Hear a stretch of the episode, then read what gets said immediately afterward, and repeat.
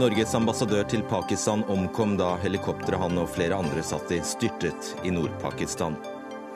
En sensasjon, det mest overraskende valget i etterkrigstiden, sier Hans Olav Lahlum om Storbritannia-valget. Hva er KrFs prosjekt, spurte Dagrun Eriksen i sin landsmøtetale. Ja, hva er egentlig KrFs prosjekt, spør også Dagsnytt 18. Og Stortingets utenrikskomité er hjemme fra Iran-besøk. Slike besøk misbrukes av mullaene til propaganda, raser eksiliranere.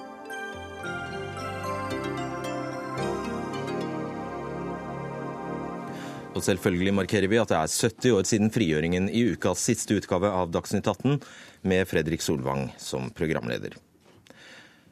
Norges ambassadør til Pakistan, Lars Holberg Larsen, omkom i en helikopterstyrt i Gilbit-Baltistan-provinsen i Nordøst-Pakistan i dag. I alt er sju mennesker bekreftet døde, blant andre den filippinske ambassadøren til Pakistan, og Taliban har påtatt seg skylden for helikopterstyrten, noe det pakistanske forsvaret avkrefter. Børge Brende, utenriksminister fra Høyre. Hva er det siste du kan fortelle oss om denne helikopterstyrten? At den er bekrefta, at vi har fått bekrefta fra pakistanske myndigheter at vår ambassadør, Leif Holger Larsen, um, har omkommet. Og det var veldig triste nyheter for oss, og Utenriksdepartementet har i dag vært veldig prega av dette. Jeg kom i skade for å si Holberg, han heter Holger. Hva kan du fortelle oss om han? Han var, eh, Leif, eh, en av våre mest erfarne eh, diplomater. En av våre beste diplomater, og har hatt veldig vanskelige oppdrag gjennom mange år. Før han ble vår ambassadør i Pakistan, Islamabad, så var han nå spesialutsending for Afghanistan og Pakistan. Og vi vet jo at Norge har vært sterkt involvert òg i Afghanistan. Så han var en av våre beste rådgivere òg innenfor eh, dette eh, området i eh, Sør-Asia. Og jeg var jo i Pakistan sjøl eh, i februar sammen med Leif, og vi hadde møter både med hærsjefen og med vedkommende som er de facto utenriksminister i Pakistan, og som jeg snakka med i dag, og som overbrakte budskapet. Han etterlater seg familie? Det gjør han. Han etterlater seg en kone og en sønn. Embjørg og Erik. Og jeg snakka med kona for å overbringe både regjeringas kondolasjoner og UD i dag, og det er veldig, veldig tungt. Og sønnen Erik er russ i år og fikk jo det budskapet. Um, hva vet du om, vet noe mer om denne helikopterturen? Det var visstnok tre helikoptre i Um, området som det var med 30 ambassadører som skulle se på bistandsprosjekter i dette området. Og så var det et av disse helikoptrene som Leif var med på, i, og som eh, ramla ned.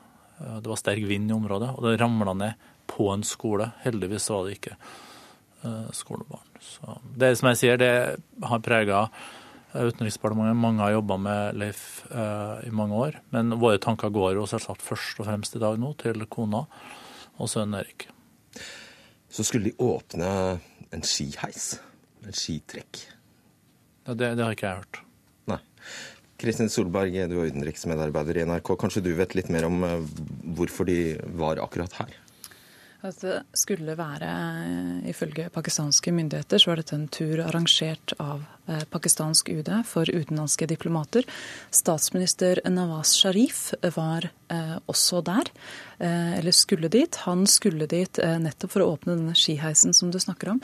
Gilgit-Baltistan-regionen er en region som er en fjellrik og spektakulær, vakker eh, region. Det er et sted der pakistanske myndigheter ønsker å få flere turister. Eh, det er i dag en region som er ganske fattig og underutviklet, og vanskelig å komme seg til. Uh, vet man noe mer om hendelser? Altså, som du sier, så var altså statsminister Nawaz Sharif bebudet å skulle komme hit, og Taliban har tatt på seg ansvaret. Hva mer vet vi om sammenhengene her?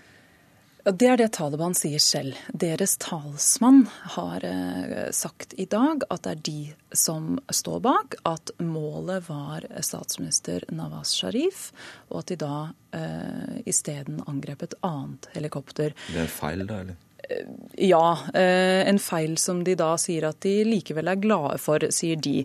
Eh, men nå tror jeg nok det er en grunn til å ta deres eh, versjon her med en solid dose skepsis.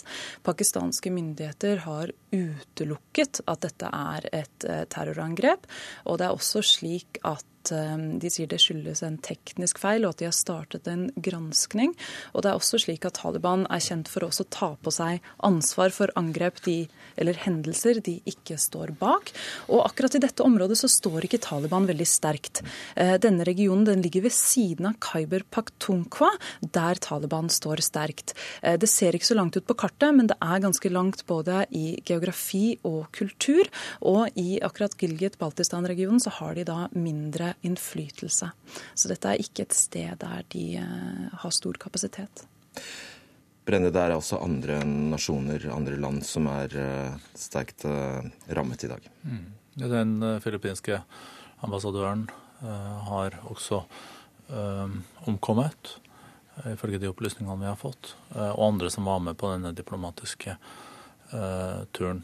Men jeg kan jo òg bekrefte det samme som Solberg sier, at pakistanske myndigheter har overfor norsk UD vært ganske klare på at uh, dette er en ulykke, og det er eh, knytta til helikopteret. Og at de ikke har mistanke og feste noe lit til at det er Taliban som står bak dette. Og dette er ikke en region som en del av Pakistan hvor de eh, tradisjonelt har stått sterkt. Og vi har jo òg Eh, gjennom annen type informasjon eh, fått det klare inntrykk av at eh, dette er faktisk en ulykke. Men det har òg vært veldig sterkt i dag, og med den internasjonale omtanken. Sveriges utenriksminister har tatt kontakt. USAs utenriksminister John Kerry ringte og kondolerte Utenriksdepartementet, familien og Norge. Og det viser jo at dette er òg en respektert diplomat i Islamabad, og det Aziz, eh, som er statsministerens utenrikspolitiske redegjørelse og de facto utenriksminister, sa til meg på telefonen at uh, vår ambassadør er veldig avholdt i Islamabad, og at uh, det er en betydningsfull ambassadør som har gått bort. Til slutt, Tor Solberg, om dette helikopteret, eller denne helikoptertypen MI-17. Det er altså ikke første gangen det faller ned? Nei, det er det ikke. Det er eh, De siste ti-tolv årene så har det vært eh, fire ulykker med akkurat denne helikoptertypen i, eh, i Pakistan. Så det er absolutt ikke første gang. Og øyenvitneskildringer også som har kommet ut i mediene i dag, tyder også på at dette var en, en ulykke. Veldig trist, iallfall. Kristin Solberg og Børge Brende. Dagsnytt 18 alle hverdager kl 18.00 på NRK P2 og NRK2.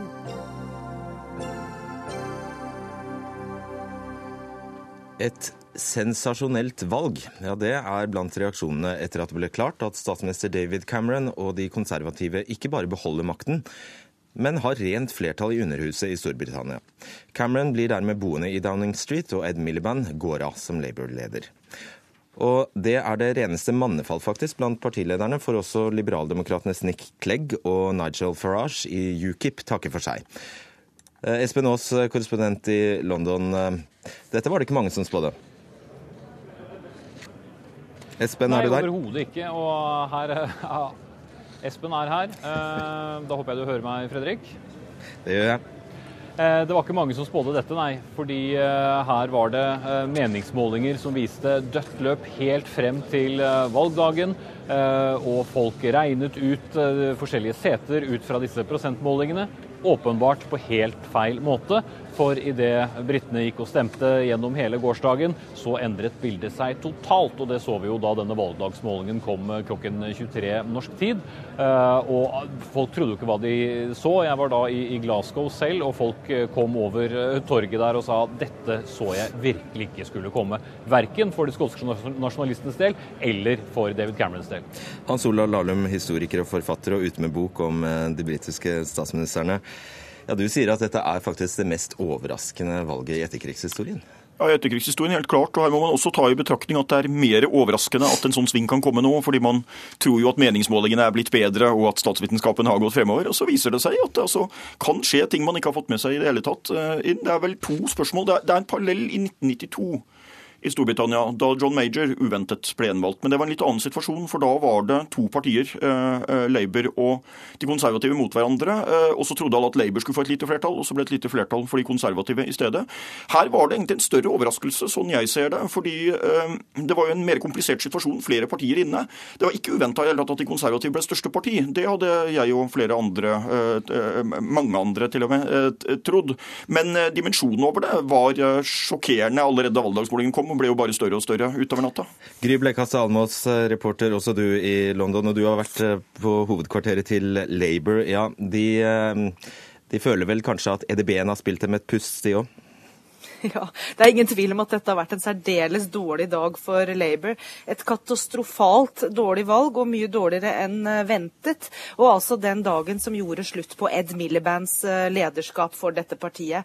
Ingen hadde sett for seg en sånn overkjøring som det konservative partiet her har stått for. Og Derfor har heller ikke partiet nå noen kronprins eller kronprinsesse stående klar i kulissene. De er uforberedt når de nå må jakte på en ny leder. Og da Ed Miliband eh, forlot mot hovedkvarteret til Labour i dag, så var det eh, Han var ikke interessert i å snakke med de hordene av journalister eh, som sto utenfor. Heller ikke meg. Han tok eh, bakveien ut i en bil med sotede vinduer og viste seg ikke og ville i hvert fall ikke snakke med noen. Men hvor mye av skylda legges nå på han, da? Nei, Labour har jo ikke uh, gått inn i noen analyse av dette som parti, men uh, andre har jo absolutt pekt på hans lederskap her. Hans måte å framstå på, uh, som mange mener ikke passer seg en statsminister. Altså, dette er jo en mann som har vært omstridt siden han utkonkurrerte sin egen bror i lederstriden for fem år siden. og folk sier jo at de ville vært flaue for å se han som landets leder på den internasjonale scene, men nå slipper de i hvert fall det. Kristin M. Haugevik, du er seniorforsker ved Norsk utenrikspolitisk institutt. Ja, hva er det Cameron og de konservative har lyktes så godt med? Ja, Det er jo et veldig godt spørsmål. Og spørsmålet her er jo også sammensatt om det er Cameron som har gjort en veldig god valgkamp, eller om det er Ed Miliband og de andre i opposisjonen som har gjort en dårlig valgkamp. Eh, og Sannsynligvis så ligger svaret kanskje et sted midt imellom. Men, men jeg tenker jo at, eh, at David Cameron kanskje har lykkes med å, å, vise til sine resultater eh, i forhold til å få økonomien i Storbritannia på beina igjen. Og det er klart at hvis man får gjennom det argumentet om at eh, bare vi kan fullføre den jobben vi har begynt på Vi har jo jobba nå i fem år, vi trenger fem år til for å få dette opp og gå igjen. Eh, og nå er det jo faktisk sånn at det er liberaldemokratene som er blitt hardest straffa i den sittende, eh, eller den koalisjonen som har sittet frem til nå. Hvor ille gikk det? Det gikk veldig dårlig. Eh, de sitter nå med åtte åtte, eh, åtte seter som de, som de, har fått, og de har mista over 80% av det de hadde. Så det, det, er et eh, dramatisk fall, og Nick Clegg har jo da tatt konsekvensen av det og trukket seg i dag, så han tar på seg ansvaret. Og Espen Aas, eh, i andre enden av skalaen finner vi altså de skotske nasjonalistene som gjør et brakvalg brakvalg. Hvilke følger vil det få? Nei, Det er jo opp til eh, David Cameron langt på vei også. det. Jeg står nå utenfor Downing Street, hvor en del statsråder kommer og går for å få vite om de skal eh, fortsette i jobben. Det alle sammen vet, er at de må finne et forhold til skottene. Nå har Skottland sagt at vi ønsker ikke noen andre partier her. Nå er det én Labour-representant, én konservativ representant og én liberaldemokratisk representant igjen i hele Skottland. Eh, de 56 andre er skotske nasjonalister. De ble jo ikke den maktfaktoren som de hadde håpet å bli hvis de hadde klart å innsette Ed Miliband i, i nummer ti, selv om han for så vidt også indikerte at han ikke ville ha så mye med dem å gjøre. Men da hadde de hatt muligheten. Eh, nå blir det jo sittende litt mer på siden, eh, men eh, det kommer jo en kamp nå om mer maktoverføring til Skottland. Det er de lovet etter valget. Og så kommer noe av det mest spennende, fordi at David Cameron har snakket om at han vil også gi de engelske folkevalgte mer makt over engelske saker. I dag kan også skotske og walisiske og nordirske representanter være med på å stemme over en del saker som bare angår engelske. Her kommer det endringer, har Cameron varslet. Lahlum, må Cameron ta hensyn til, eh, til de skotske nasjonalistene i det hele tatt? Han må ta hensyn til situasjonen i Skottland og spørsmålet om unionen Storbritannia. Han har de to unionene, da, eh, forholdet til EU og de interne forholdene i Storbritannia. De må han helt klart forholde seg til. Men dette skotske nasjonalistpartiet sånn det er nå, eh, tror jeg er et klassisk eksempel på et parti som har fått veldig mange nye mandater og kan komme til å få veldig liten innflytelse. For slik den parlamentariske situasjonen er ellers, så tror jeg ikke de kommer til å få veldig stor innflytelse. Og Blekasa Almås, da er det altså slik at Labour har tapt hele Skottland? Ja, Labour har jo absolutt eh, holdt på å si Skottland å, å, skylde på for det elendige resultatet. Veldig mange av deres representanter eh, derfra ble jo eh, utradert fullstendig. Så det er, det er skandale i Skottland, men det er jo katastrofalt over hele linja for Labour. Selv om det nå er nest største parti fremdeles, så har det jo nesten 100 representanter færre i det nye parlamentet. I et valg hvor man på forhånd sa at det var historisk jevnt. Så det er veldig spesielt. Haugevik, du har også forsket på EU, og du sier at en seier for de konservative Eller det er jo klart nå at en seier for de konservative vil gi en folkeavstemning før 2017. Eh, Hvor sannsynlig er det at dette valget da ender med at Storbritannia faktisk går ut av hele EU? Ja, Det er jo et av de veldig store spørsmålene som reiser seg etter dagens valg, vil jeg si. Eh, og, og, i Europa, så hvis man ser på europeiske nettaviser i dag, så, så, er det veldig mange som er innom det spørsmålet. Og det er klart at eh, Angela Merkel og lederne i EU, de vil jo nå være veldig opptatt av hva Cameron kommer til å gjøre. Eh, hvis man ser på tallene på, på, briter flest og hva slags syn de har på EU, så er det litt interessant. fordi Chatham House de har nylig kommet med en meningsmålingsundersøkelse hvor de har spurt vanlige briter hva de syns om EU. Eh, og der er det faktisk sånn at Siden 2012 så har den allmenne brite blitt litt mer positiv til EU. Eh, og De tallene som de oppgir her, da, det er at, eh, at faktisk så, eh, så vil nå 40 mot, eh, mot 39, da. Så det er ikke så mye. Men det er likevel et hårfint flertall for de som ønsker å bli værende i unionen. Og det er litt interessant at den utviklingen går den veien. Så er selvfølgelig men det skal en kampanje, og mye skal skje. Og er det noe vi har skjønt eh, lært av den, det siste, den, så er det at meningsmålinger kan være upålitelige. Absolutt. Espen, eh, dette med en folkeavstemning om EU, det kan faktisk også få konsekvenser for Skottland. Ja, altså, Skottene vil jo være i EU, de. Eh, de er veldig EU-vennlige. Dette skotske nasjonalistpartiet ligger jo godt til venstre og, og støtter tanken om, om, EU. Nå skal det også legges til at mange i Camerons regjering ønsker også at Storbritannia skal fortsette her. Næringslivet i Storbritannia ønsker at uh, Storbritannia fortsatt skal være medlem. Og jeg spurte faktisk tidligere utenriksminister William Haig rett før valget hva gjør dere hvis uh, folket sier uh, at dere må melde dere ut, hvis et flertall flertall sier det. Så smilte han lurt og sa vel, vi har vel ikke planer om at det er der vi skal ende, men nå handler det om å fortelle folk hvorfor vi synes vi skal fortsatt være medlem. Det sa Gro også. Lahlum, i boka di rangerer du Cameron på tiendeplass. Hvor mange plasser jumper han nå? Han jumper opp én til to plasser. eller kanskje satt han opp til åttende. Så kan han klatre videre hvis det går veldig bra utover i den andre perioden, eller falle lenger ned. Men nå blir det jo etter alt å dømme da en ny femårsperiode. De har jo endret eh, de konstitusjonelle reglene også, sånn at det blir vanskeligere å skrive ut nyvalg. Og det ser ut til å være et veldig lite sannsynlig scenario sånn dette er sammensatt. Så han blir nok, eh, med mindre helsa skulle svikte han skjer noe veldig dramatisk, så blir han nok sittende i fem år. Og da er han jo da er han jo nest etter Thatcher da, den konservative statsministeren i etterkrigstida som har sittet lengst. Og det er jo klart det å vinne to valg etter en periode hvor Labour hadde dominert veldig sterkt og vunnet tre valg på rad. Men de står egentlig igjen med det samme spørsmålet nå som da han ble valgt første gang, nemlig hva er egentlig det politiske prosjektet hans? I forrige periode så kunne han liksom unnskylde seg litt med at økonomien var veldig pressa da han overtok, han måtte ha en del tiltak på det, og han hadde ikke flertall, så han måtte ta hensyn til koalisjonspartneren osv. Men nå har han ikke mye å skylde på.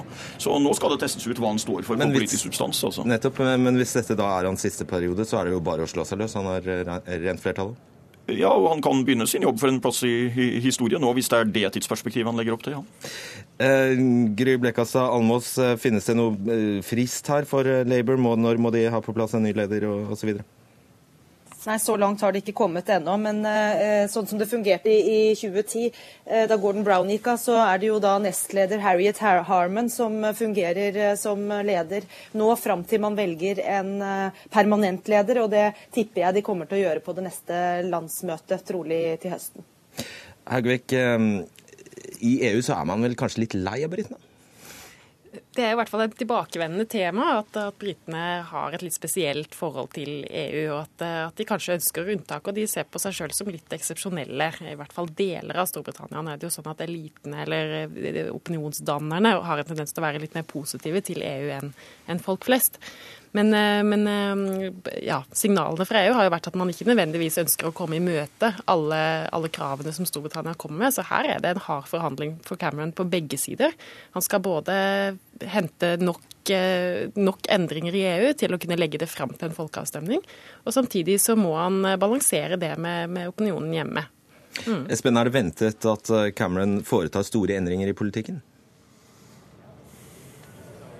Hvis han eh, nå får en hel eh, ren eh, Tory-regjering, eller konservativ regjering, så kommer garantert politikken til å flytte seg et godt stykke til høyre. Det er mange sterke konservative krefter i partiet som har vært rasende gjennom disse fem årene fordi at de har måttet hensynta liberaldemokratene så mye. Det kommer til å komme forslag om enda tøffere innsparinger når det gjelder sosiale rettigheter, trygder innvandring eh, og mange av de tingene som for så vidt da UKIP har fått litt fritt spillerom eh, på nå gjennom denne femårsperioden. Denne berømmelige 1922-gruppen som eh, finnes i det konservative partiet, er kjent for å legge mye makt bak sine krav. Så det blir både spennende å se om han gjør store endringer når det gjelder sammensetningen av statsråder nå og ministre de nærmeste dagene, og om det kommer til å komme mye ny politikk i Italia talen som dronningen skal lese opp den 27. mai. Og Lahlum, helt til slutt. Eh, det har vært mye snakk om valgsystemet. Med dette resultatet, er det noen endring i sikte? Det burde komme en debatt om det. for Du har jo den absurde situasjonen at SNP med knapt 5% av stemmene har fått så godt over 50 representanter, mens UK Independence Party har nesten tre ganger så mange stemmer og én representant, og De grønne er det, det, det er med én representant og mye større oppslutning. Men jeg tror ikke det kommer. Fordi de store partiene kommer til å være enige om det. Cameron kommer ikke til å ønske det. Og han kan også vise til at de har hatt en folkeavstemning om det, og at det ble avvist. Så jeg tror ikke det kommer, men det burde komme. Haugevik. Det blir i hvert fall en debatt om det, det tror jeg helt sikkert. Det er veldig mange som syns at dette valgresultatet det er noe som må diskuteres videre. Takk skal dere ha, Espen Aas, Gry Blekastad Almås, Hans Olav Lahlum og Kristin Haugevik.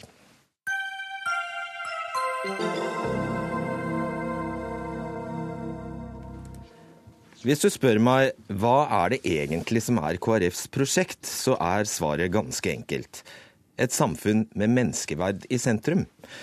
Første nestleder i KrF, Dagrun Eriksen. Ja, det var slik du avsluttet din landsmøtetale i dag. Er det noe norsk parti som ikke kunne hatt dette som sitt prosjekt? Det skal ikke jeg uttale meg på vegne av andre.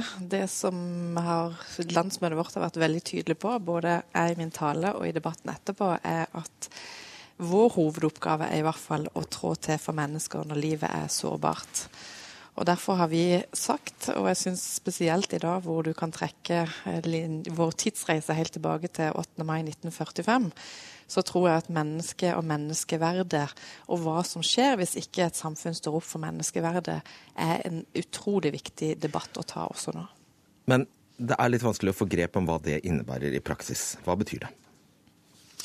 Det betyr eh, hvis du, man, I talen etter og debatten etterpå nå, så hørte jeg veldig mange som snakka om å stå på for mennesker når de er i sårbar fase. F.eks. mennesker som sliter med rus. Det har vært oppe eh, barn som har behov for fosterhjem, som trenger ekstra støtte fordi de har fått tidlige skader. Eh, vi har eh, hatt oppe debatter om hvordan vi kan stå opp for barn som opplever å, å leve i hjem som er prega av vold, eh, av rus. Eh, vi har eh, også løfta menneskeverdet utover våre egne landegrenser. Veldig mange har snakka om hvordan de er berørt av det vi ser i Syria, den store katastrofen der nede. Så det handler jo om å ta det som vi kaller for det kristne menneskesynet på alvor, nemlig at hvert enkelt menneske har en unik verdi, og at vi er satt her til å prøve å gi dem en best mulig start, og hjelpe dem når livet går i oppoverbakke. Så gjentok du flere ganger i talen 'vi er den tredje veien'. Hva betyr det? Nei, Jeg syns jo at norsk politikk i det siste har handla veldig mye om blokktenkning. Eh, og vi blir jo ofte utfordra på det. Er vi et borgerlig parti, eller vi, hører vi til på den venstre sida i norsk politikk? Det jeg ser er at I mange saker så har vi en løsning som kanskje ligger mer i midten enn at det handler om å velge eh, mellom et rødt og et blått alternativ. Og Der er det et stort kristendemokratisk sentrumsrom. Eh, det handler jo f.eks. i skolepolitikken, da, hvor eh, det har vært veldig mye fokus på heldagsskole, flere timer på den ene sida i norsk politikk, og du har kanskje hatt veldig mye på kunnskap, kunnskapsløftet, teori og tester på den andre sida så jo vi, ønsker jo vi å heller gå eh, i midten for en god kvalitetsskole. Vi jobber for å få flere lærere istedenfor flere timer. Eh, og vi vil heller ha en god kvalitets-SFO enn å tenke at vi skal ha mm. heldagsskole. Du fikk mest applaus da du snakket om søndagsåpne butikker, men i begrunnelsen din så nevner du verken ordene kirke, kristen, hellig eller Jesus. Hvorfor ikke? Nei, det er jo, altså, Noen tror jo at det er sånn hemmelig prosjekt KrF holder på med, at vi egentlig helst vil at alle skal inn i kirka på søndager. Det handler det ikke om. Det handler jo kanskje mer å ta det på alvor, som også skaperen gjorde. At når han var ferdig med å skape det meste, så sa han nå tror jeg vi har godt av å hvile litt. Så den hvilepulsen som, som vi har som samfunn, eh, at vi har én felles dag som kan brukes til turopplevelser, til familieopplevelser, som eh, i frivilligheten bruker bruker, idretten bruker, den er utrolig viktig for oss. Vi trenger å ha en dag som ikke handler om shopping, og som ikke handler om alt det som de andre dagene i uka er. Så nevner du ikke de tre sakene som faktisk skiller KrF fra hopen av norske partier, nemlig abort, homofili og Israel. Hvorfor ikke? Når det gjelder abort, så vil jeg jo si at det er et ganske sterkt menneskeverdsspørsmål i, i KrF. Eh, og jeg sa at det handler om å ta vare på livet. Nei, men det er, ikke, det er, jo ikke, først og fremst abort. Det handler jo om hvordan vi kan sikre altså for, for, KrF så er livet veldig eh, hellig. Og vi tenker hvordan kan vi klare å sikre og gi den største eh, støtten til, til, livet i første fase. Og i dag valgte jeg kanskje også å bruke mye tid på livets siste fase. Det er jo det hele menneskeverddebatten handler om. Hva med homofili og hva med Israel?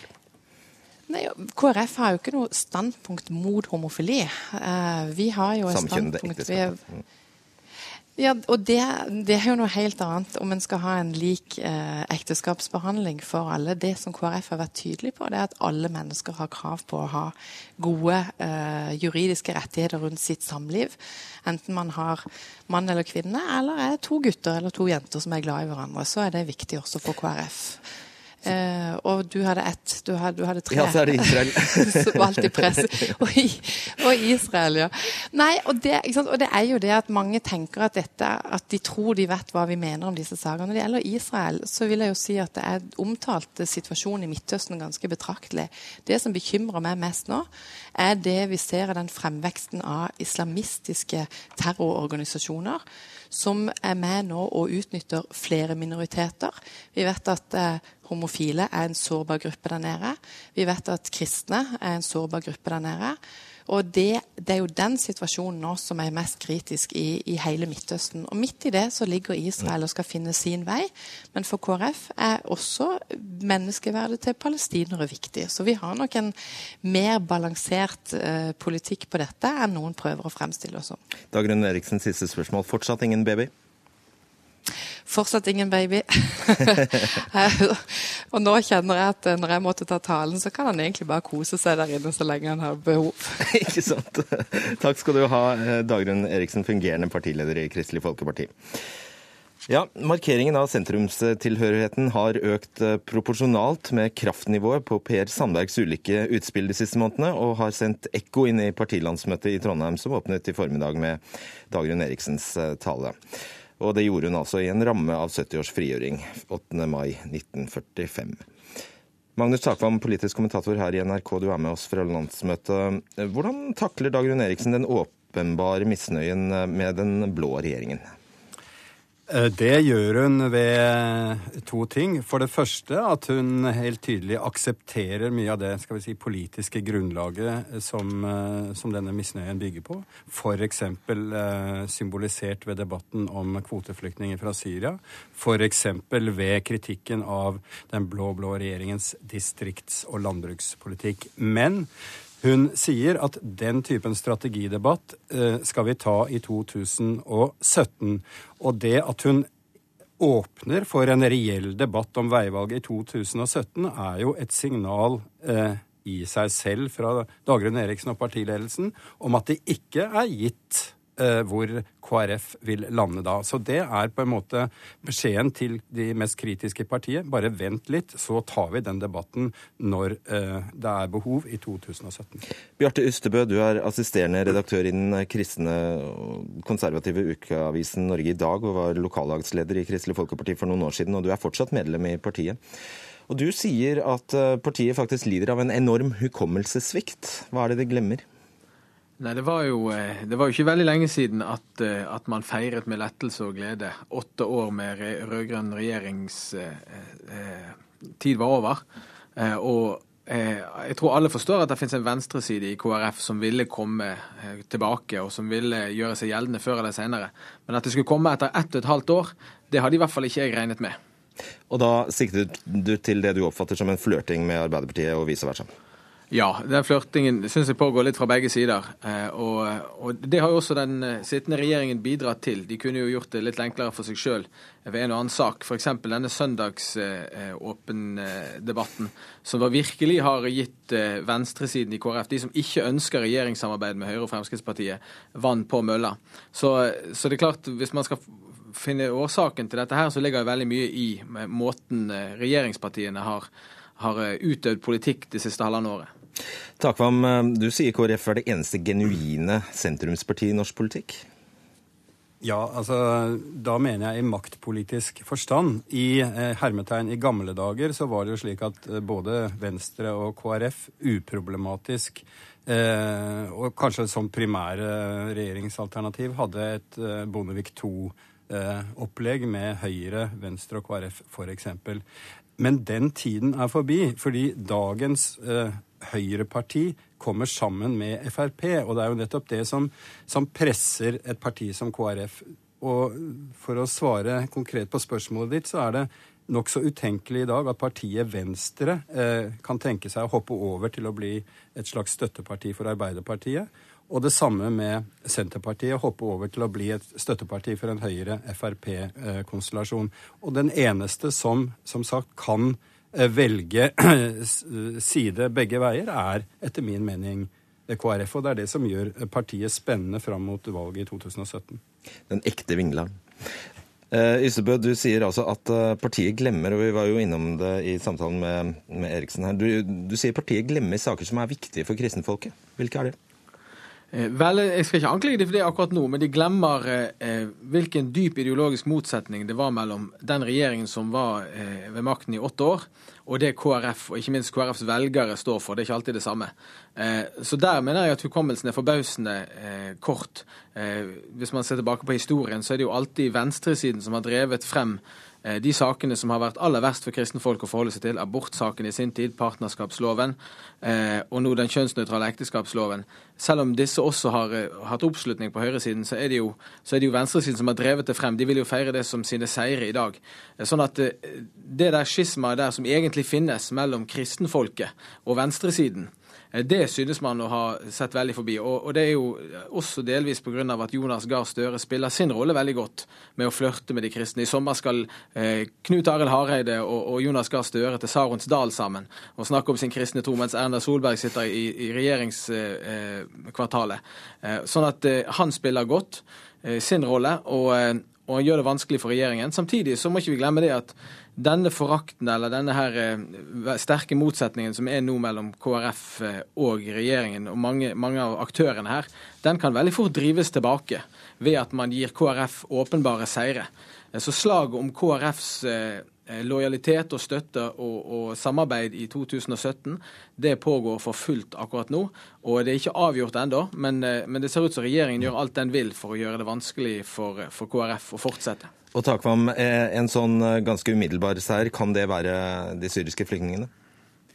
Ja, og der skal det jo være forhandlinger. Eh, og der er det en veldig spennende debatt på landsmøtet i kveld, faktisk. De vedtar en resolusjon, og det spennende blir jo hvor skal vi si, snevert handlingsrom Hareide da etter hvert og partiledelsen får i disse forhandlingene. Det er noe av den samme problemstillingen med omvendt, eh, eh,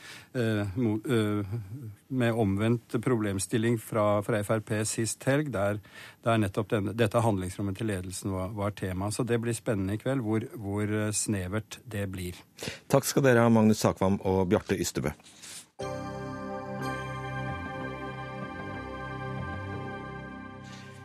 I ti år varslet Jan Erik Skog om flere tilfeller av korrupsjon i Oslos kollektivselskaper. Og det førte til at seks hovedmenn i Unibuss-saken ble dømt til fengsel.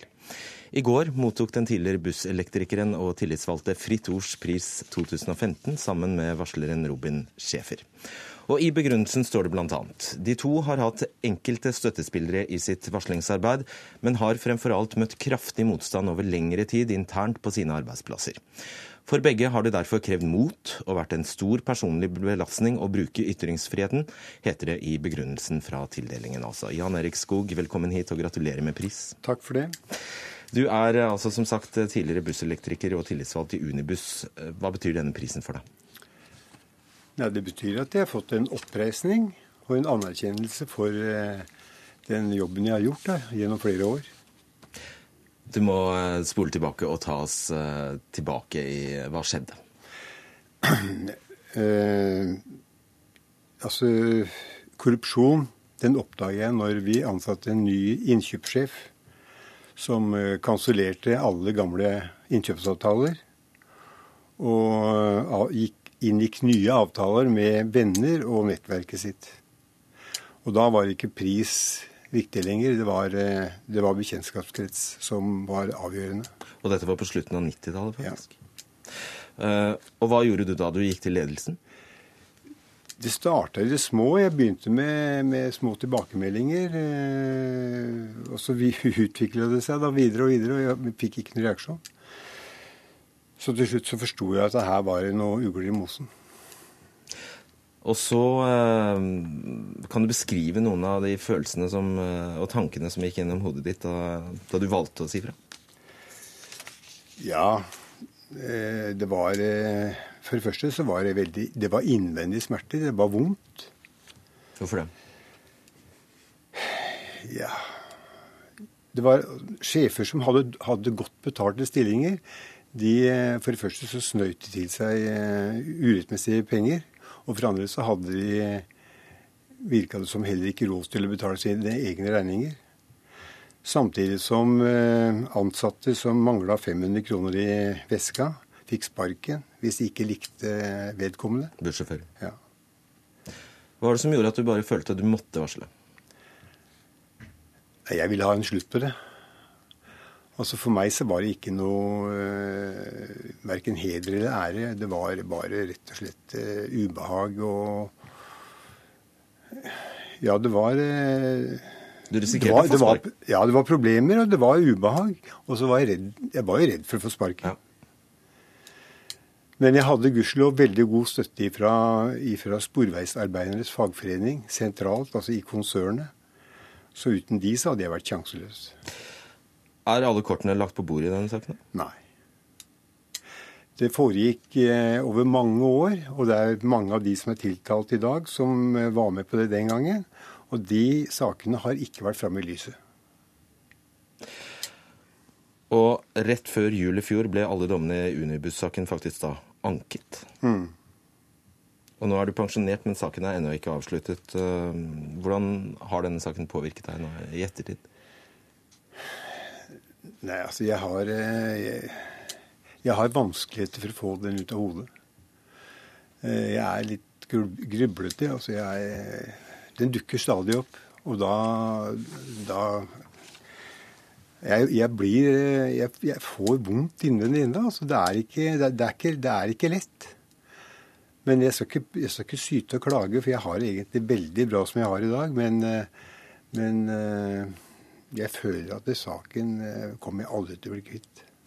Styreleder i Fritt Ord, Georg Fredrik Ribermoen, sa under tildelingen Fritt Ords håp er at Robin Schæfer og Jan Erik Skogs innsats vil bidra til å løfte fram varslernes viktige rolle i samfunnet, og til at fremtidige varslere blir møtt på en profesjonell måte. Og Derfor får de Fritt Ords pris 2015. Hva mener du kan gjøres for å møte fremtidige varslere på en bedre måte? Ja, det er, Jeg har nevnt det før. Jeg mener at det skulle vært et, et uavhengig varslingsorgan, altså f.eks. varslingsombud. Et eller annet helt uavhengig av bedriften, som hadde makt og myndighet og kunnskap til å gå inn og se på saker. Med helt eh, altså he, helt nøytralt eh, ståsted. Da. Eh, og da ville de fort avsløre om det var hold i disse sakene. Og til slutt, hva skal du bruke pengene til? Jeg har også blitt spurt om det. Jeg hadde egentlig ikke tenkt å fokusere på det, men jeg hadde bestemt på forhånd at jeg hadde tenkt å gi bort 50 000 kroner til SOS Barnebyer. Vi, Foreninga vår har stifta, eller anlagt en, en, barneby i, i Murmansk. Det er altså Sporveisarbeidernes fagforening som står bak den. Og jeg har egentlig såpass romslig økonomi, så jeg har råd til å avse 50 000 kroner til det. En ære å ha deg her. Takk skal du ha, Jan Erik Skog. Takk for det. Hør Dagsnytt 18 når du vil. Radio NRK Radio.nrk.no.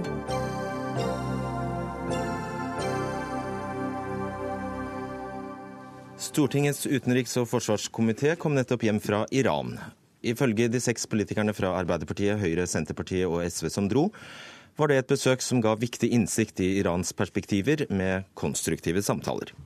Men ifølge eksiliranere i Norge var det et besøk som misbrukes av det iranske regimet, og som øker undertrykkelsen og gjør iranerne enda mer utsatt for vold, tortur og henrettelser. Anniken Huitfeldt, leder av Stortingets eh, utenriks- og forsvarskomité for Arbeiderpartiet. Hva gjorde dere i Iran? Vi var invitert av det iranske parlamentet og utenrikskomiteen der og hadde drøftinger om kampen mot terror, menneskerettigheter, kvinners rettigheter, og møtte oss representanter for regjeringen. Men det er viktig å ha diskusjon omkring slike besøk. Sist gang det var politisk besøk i Norge var i 2007, så gikk det veldig mange år uten noe politisk besøk, før, stort, før utenriksministeren var der rett før jul. og vi var der nå. Det er også ulike oppfatninger blant eh, eksiliranere om hvordan vi skal forholde oss til dette regimet. Men jeg har jo tro på uh, dialog, samtaler. Det er ikke slik at uh, vi forandrer Iran med å være der, men det å komme inn med noen andre argumenter i et samfunn som er relativt lukka, det tror jeg har betydning. Du reiser altså på vegne av det norske storting til et regime som de siste to ukene kan ha henrettet 105 personer. Hvordan kan det bli greit? Ja, Dette er noe vi har sett at når det gjelder menneskerettigheter, så har det ikke vært framgang. Til tross for at det har kommet en mer reformvennlig regjering. At det har kommet på plass eh, nesten en atomavtale som kan fjerne muligheten for at Iran kan utvikle atomvåpen. Så Det er jo en av de spenningene som i dag er i det iranske samfunn. Og det er mye diskusjon. Det er mye uenighet. De legger jo ikke alt fram, den uenigheten som er der for oss. Men det er klart at vi tok opp disse tingene ganske tydelig. Og også de diskusjonene som har vært å frata kvinner muligheten til å få prevensjon. Det var jo ting som ble tatt opp eh, av oss ganske grundig under dette besøket. Så jeg tror på det å bli møtt med motargumenter. Det er slik man forandrer mennesker. Så er det ikke alle som skifter mening. Men det er ganske, ganske store motsetninger og diskusjoner i det iranske samfunnet i dag. Det er et stort land. Ja, men det er også, jo, men også, altså ulike oppfatninger blant de som styrer. Ja, ja. Sylvi Graham, du er stortingsrepresentant for Høyre og var også i Iran. Fikk du nevnt at du ikke syns det er riktig at kvinner må ha tillatelse fra en mann for å få seg pass? Vi fikk nevnt, og jeg fikk også nevnt, at, um, at, menneskerettigheter er viktig for den norske regjeringen. Og vi stilte også ganske pågående spørsmål om, om kvinners rettigheter og muligheter i samfunnet. Og Da fikk du også sagt at du syns 13 år er litt for ungt til å gifte seg? Ja, vi tok, opp, eh, vi tok iallfall opp alle aspekter ved menneskerettigheter og kvinners rettigheter. Og Dette er jo også en sentral del av norsk utenrikspolitikk. Både menneskerettigheter og, og fremme ytringsfrihet og, og, religionsfrihet. Vi var inne på alle de områder som eh, kan anses å være litt ømtålige, ja. Mm, bra. Parvis Kasai, representerer det iranske nasjonale motstandsrådet NCRI i de nordiske landene. Hvordan bruker, eller du vil hevde misbruker, det iranske regimet slike besøk? Eh, jeg er ikke her for å eh, kritisere dem, fordi de har gjort det med god vilje. Og Norge har en god politikk når det gjelder internasjonale saker og megling. Og jeg selv er i FN veldig ofte med Menneskerettighetsrådet som en NGO, og jeg ser norske delegasjoner. Det som jeg vil si, fordi jeg er selv norsk og integrert i Norge og glad i dette landet, men jeg eh, som erfaring, fordi jeg var en eh, ambassadesjef her. Jeg ville gjerne eh, peke på to saker. Og Det første er at eh, OK, det, har, det, det går. Det, det, reiser med god vilje, men iranske regime misbruker det. Eksempel, Eh, kommer persiske aviser og, og propaganda at det har vært der, og det har skrytt av regimet. og så det F.eks. viser bilder av vår eh, generaldirektør fra UD som bøyer seg, bukker så mye, sånn ned nesten til gulvet, også for, for å utmyke og så si at Vesten er eh, er kommet til oss. Også det Problemet er også at det viser ikke f.eks. familie til de som har blitt henrettet. For vi har liste av 20, miljø, 20 000 mennesker av 120 som har blitt eh, drept. Men familiene må også uh, få lov til å komme og prate med dem. Hvis de går dit for å snakke med de som er ofre, også det er bra. Men... La oss ta det første poenget ditt. Eh, du skjønner vel det, Huitfeldt, at dette kan portretteres aldeles feil i iransk stat, statskontrollerte iransk media. Ja, og det er jo også slik at iransk media i stor grad er styrt.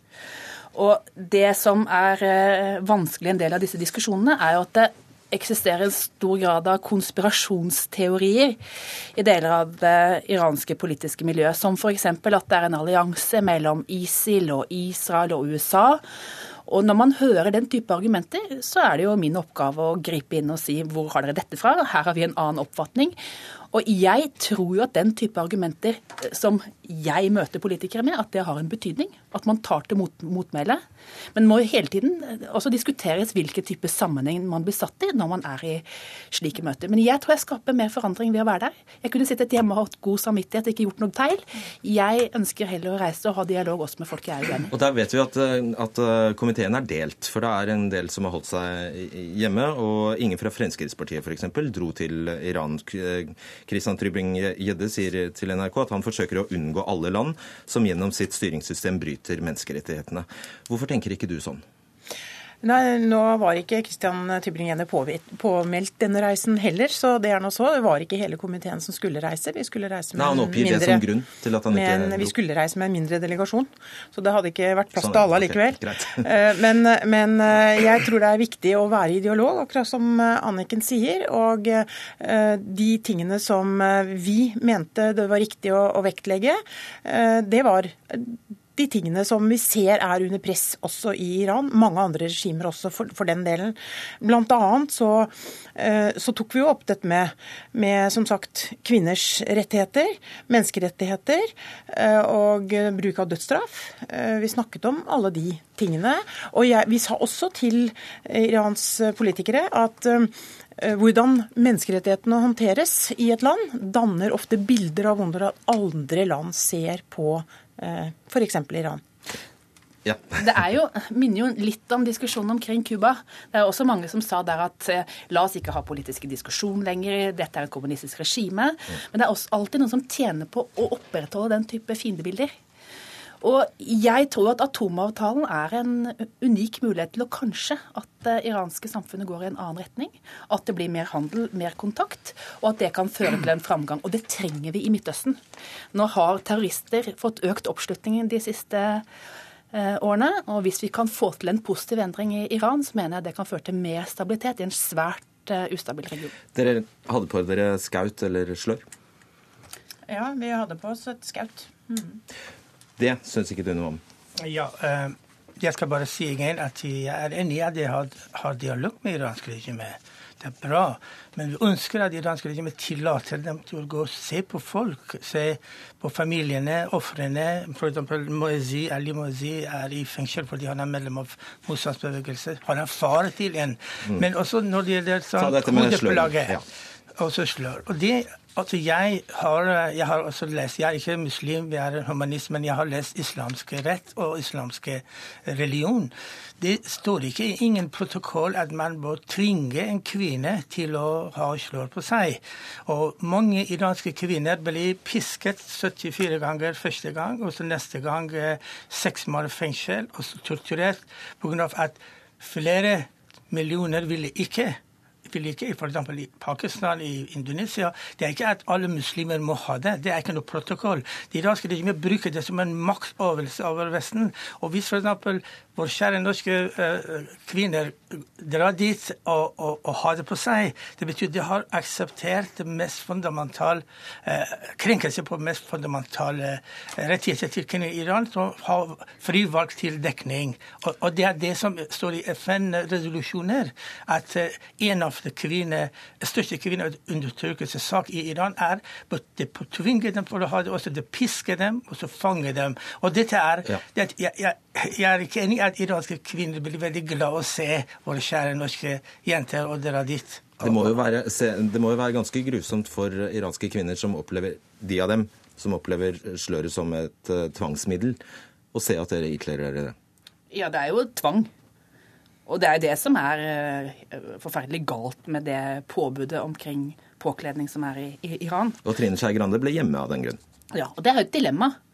Uh, på den ene siden så hadde vi bestemt oss for å sende en delegasjon. Skal kvinnen inn? Så måtte vi ha på oss det. Så da kunne vi stå overfor valget om å bare sende menn. Jeg tror det hadde vært enda mer negativt. Vi var jo en, vi var en gjeng med tre kvinner som hadde ordet mesteparten av tiden som ledet delegasjonen. Og jeg sa jo klart ifra hva jeg mente om uh, dette også.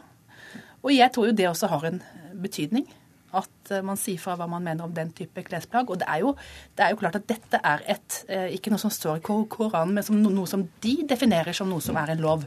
At man påtvinger andre mennesker å gå med deres religiøse hodeplagg. Og det er en stor inngripen i det som er eh, private beslutninger, som jeg ikke støtter, som jeg tok opp. Men jeg hadde blitt stoppa på flyplassen hvis jeg ikke hadde gjort det. På den annen side så markerte vi jo dette ganske tydelig ved at vi, eh, da vi tok imot iranske gjester på ambassaden om kvelden, så hadde vi ikke skjerf. Det er godt å ha dere hjemme i hvert fall. Takk skal dere ha, Anniken Huitfeldt, Sylvi Graham og Parvis Kassar.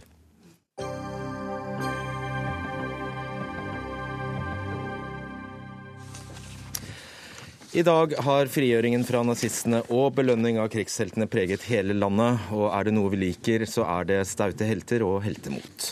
Men det kommer stadig nye beretninger som nyanserer og forteller om dem som ikke er blitt hovedpersoner i filmer eller bøker. Og Anders Giæver, kommentator i VG, du er med oss på telefon.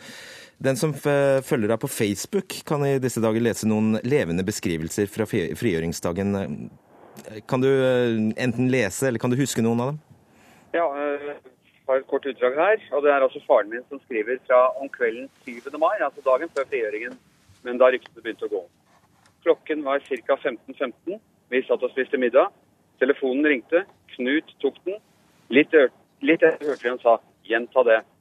Snart kom han tilbake og sa høytidelig i dette øyeblikk erklærer den tyske utenriksministeren at Tyskland kapitulerer betingelsesløst på alle punkter. Hva er det? Så er det altså en videre fortelling om hva han gjorde den kvelden. Bodde i, i Oslo, syklet rundt i Oslo og så hvordan eh, fredsbudskapet begynte å, å, spre seg i byen. Og hva er dette her? Det er hans dagboknotater. Han, skrev, han begynte å skrive dagbok. Han var da altså, uh, omtrent 18 da krigen var over, så han var 13 da den begynte. Han begynte å skrive dagbok året før.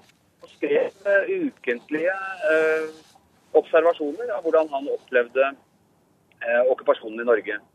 Og ja, en norsk dagligliv tror jeg er ganske typisk. Storebroren hans ble arrestert øh, og etter hvert sendt til Tyskland. Øh, søsteren hans var også satt i fangenskap en periode. Øh, og så handler det veldig mye om mat og klær og hele, ja, mm. hele det som preget dagliglivet. Historiker Synne Korell, du har tatt doktorgrad i historieskrivingen om andre verdenskrig. Og det Giæver forteller her, er jo en historie som er lett å fortelle fordi hans onkel sto på rett side. Men hvordan er det i dag for dem som har uh, slektninger som sto på andre siden? Da tenker jeg at vi må snu oss nettopp mot uh, historieskrivninga og, og, slå fast at uh, det har vært en tradisjon siden eh, slutten av 40-tallet, da de, de, første historiske framstillingene kom.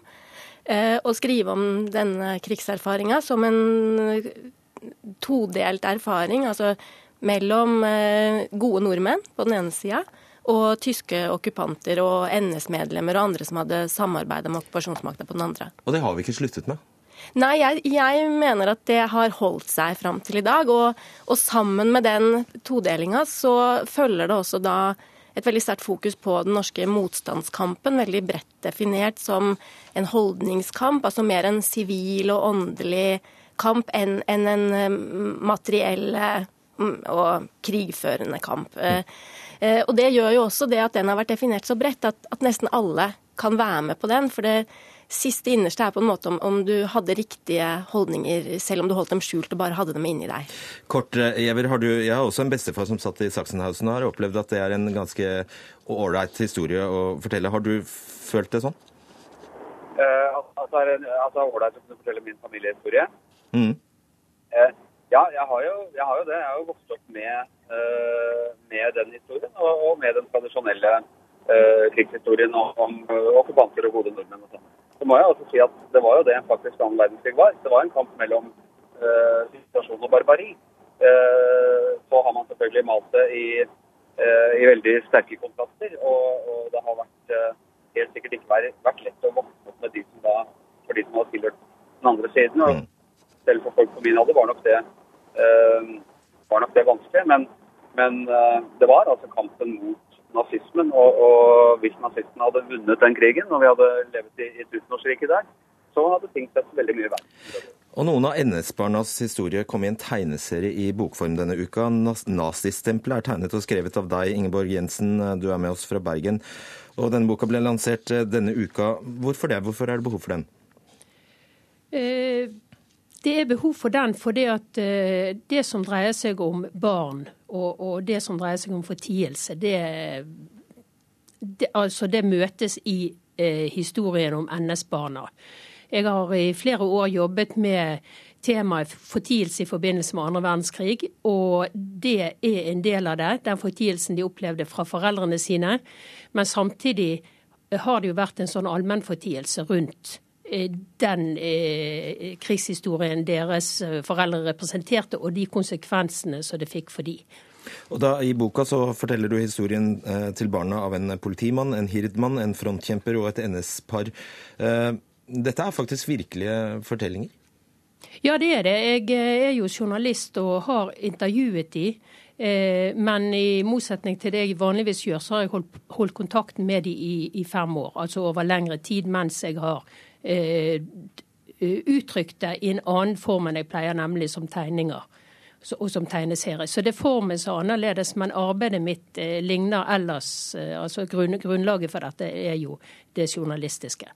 Korell, eh, kan du se, se vi sporer av at det er, skjer noe her? At ikke alle, alle blir eh, betegnet som eh, motstandsfolk i, i Norge etter hvert? Jeg tror kanskje det mest interessante som skjer nå 70 år etter, er, er at nye generasjoners krigserfaringer kommer fram. Og både som her at det handler om barna.